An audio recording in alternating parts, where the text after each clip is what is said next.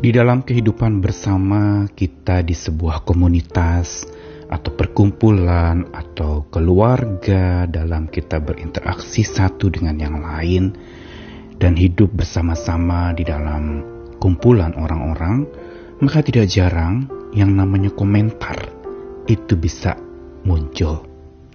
Interaksi, komunikasi, di dalamnya terselip komentar-komentar orang terhadap diri kita. Dan hal ini tidak dapat dipungkiri. Setiap kita bisa saja dikomentari apa saja. Entah itu baik atau buruk, entah itu enak kedengarannya atau tidak enak untuk didengar. Dan komentar demi komentar sebenarnya memberitahukan kepada kita bahwa memang mereka orang yang concern, yang memiliki sebuah keprihatinan atau perhatian. Makanya mereka berkomentar. Tetapi sebagai orang yang dikomentari, maka kita perlu bijak. Bukan saja bijak di dalam memberi komentar atau mengomentari, tetapi sebagai pribadi yang dikomentari. Di sinilah pentingnya bahwa sesungguhnya tiap orang berhak berkomentar, berbicara apa saja tentang kita dan kepada kita, baik atau buruk. Tetapi kita juga punya hak untuk memilih komentar apa yang benar dan komentar apa yang salah.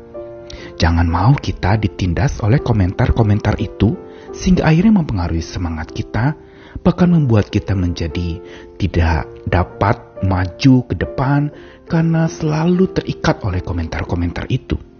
Berarti kita sudah ditindas oleh komentar itu, seolah-olah kita hidup dari komentar, dari kata-kata orang. Padahal jelas bukan itu kita hidup. Kita hidup sesungguhnya sebagai orang percaya dari kata-kata Tuhan dari komentarnya Tuhan, kata-kata yang pastinya benar, membangun dan menuntun kita kepada kebenaran. Sedangkan komentar-komentar orang sesungguhnya bisa saja salah, bisa jadi justru malah sama sekali tidak benar. Dan apalagi, komentar orang tidak dapat menuntun kita ke jalan yang benar atau membuat kita jadi benar.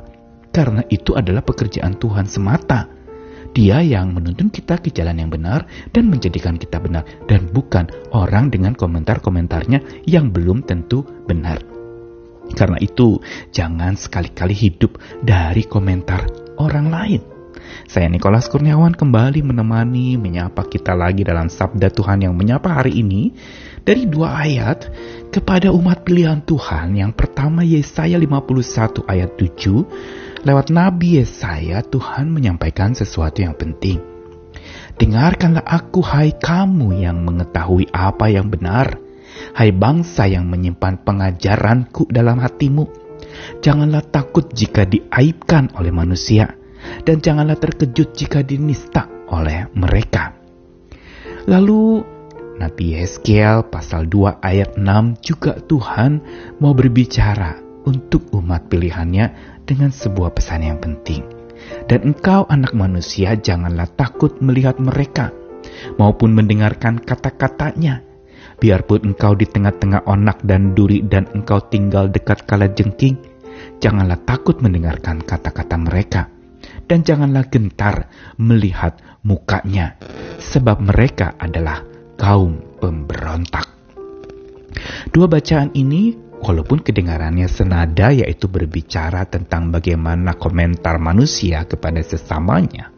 Tetapi dua ayat ini ada dalam konteks yang berbeda. Di Yesaya pasal 51 ini merupakan sebuah berita penghiburan kepada orang Israel yang dikatakan sebagai para pengejar kebenaran. Dan mereka adalah orang-orang yang sungguh digaris bawahi oleh Tuhan sebagai pengejar kebenaran, adalah orang yang menyimpan pengajaran yang benar di dalam hati dan karena itu di dalam Yesaya 51 ayat 7 ditegaskan lagi oleh Tuhan bahwa mereka yang mengejar kebenaran dan mengetahui apa yang benar, bahkan menyimpan pengajaran yang benar dari Tuhan di dalam hati, jangan takut terhadap kata-kata manusia. Jangan takut jika diaibkan. Berarti apa?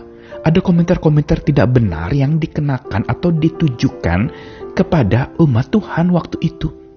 Kalau diaibkan itu berarti kata-kata yang sungguh melukai, kata-kata yang mungkin bicara tentang keburukan dan mungkin disebarluaskan ke mana-mana. Dan juga pesan kedua bukan saja jangan takut jika diaibkan oleh manusia dengan perkataannya. jangan juga terkejut jika dinista oleh manusia. Dan nista ini juga bicara tentang kata-kata yang menista, yang mencaci, yang menghina, mungkin kecaman-kecaman, mungkin kata-kata kotor, kata-kata kasar, kata-kata yang menjatuhkan semangat, atau mungkin teguran-teguran yang sangat-sangat melukai, dinista dan diaibkan. Siapa yang mau? Jelas aib dan nista itu melemahkan semangat kita, membuat kita tidak dapat maju lagi. Karena itu, Tuhan ingatkan kepada para pengejar kebenaran juga kita yang harusnya terus mengejar kebenaran, bukan semata mau hidup baik, dikomentari baik oleh orang lain, atau dipandang baik oleh orang lain. Ingat, karakter lebih penting dari reputasi. Reputasi apa kata orang tentang kita, tapi karakter itu bicara tentang apa yang benar yang kita tanamkan di dalam hati dan kita lakukan dengan benar demi kebenaran dan bersama dengan Tuhan yang Maha Benar. Karena itu, Tuhan ingatkan, dengarkanlah Tuhan. Dengarkanlah aku, itu yang Tuhan katakan. Jangan dengarkan kata orang. Bukan kita lalu tutup telinga semuanya orang katakan, misalnya keluarga kita, pasangan kita, suami, istri, anak, orang tua, lalu mengatakan sesuatu kita tidak gubris sama sekali. Bukan itu. Tapi ada satu yang patut dan paling penting, bahkan lebih penting untuk kita dengarkan, yaitu Tuhan yang maha benar, yang tidak pernah kata-katanya salah. Sedangkan kata-kata manusia bisa salah, bahkan kata-kata orang terdekat dengan kita juga bisa memberikan komentar yang salah. Dan diingatkan lagi dalam panggilan Tuhan khusus kepada Nabi Yeskiel di usia mudanya. Itu diingatkan untuk supaya Yeskiel tidak takut melihat orang-orang yang dihadapinya di dalam dia melayani, di dalam dia mengabarkan berita-berita nubuatan dan juga jangan takut untuk mendengarkan kata-kata mereka atau respons mereka. Yang penting seolah Tuhan katakan kepada Yeskiel, katakanlah kebenaran itu.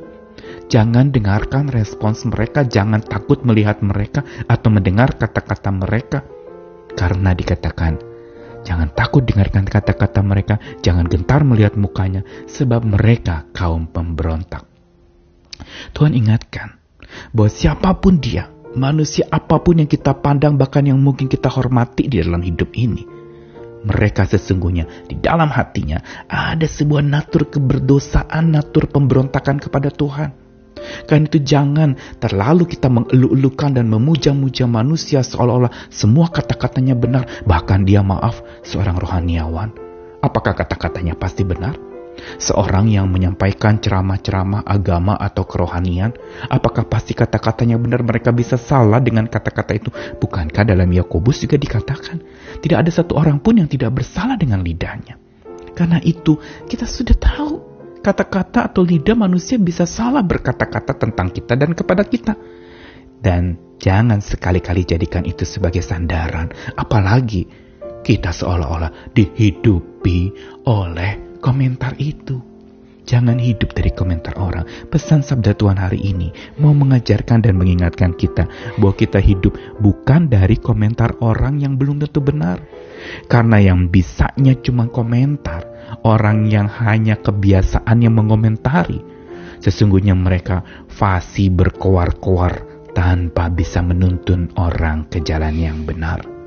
Karenanya hanya berhenti sampai berkomentar, tapi membuat orang jadi benar tidak. Menuntun ke jalan yang benar apalagi.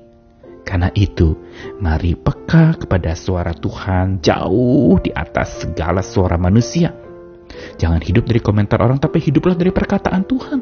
Karena itulah yang sesungguhnya kita butuhkan agar sejahtera itu ada menetap di hati kita. Agar ketenangan itu memimpin kita dan senantiasa kita bisa berjalan bersama dengan Tuhan yang memberi kekuatan. Ayo, hiduplah dari perkataannya. Tuhan mengasihi kita sekalian. Amin.